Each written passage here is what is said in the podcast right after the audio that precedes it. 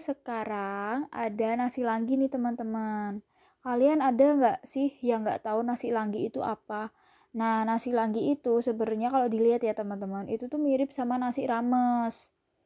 Cuman kalau nasi langgi ini dia menggunakan bahan rempah e, beserta santan dan asam jawa untuk nasinya ya teman-teman. Jadi tuh nasi nasi langgi itu nasinya tuh rasanya gurih gitu teman-teman seperti mungkin nasi uduk ya teman-teman nah untuk lauknya nasi langgi itu biasanya pakai lauknya seperti telur dadar, bistik, kering kentang, daging, serundeng, kerupuk udang, sambal goreng hati, dan mentimun buat lalapannya teman-teman. Nah, kalau dilihat-lihat menunya itu kan seperti nasi rames ya teman-teman. Cuman kan beda di nasinya aja karena nasi langgi itu nasinya rasanya gurih teman-teman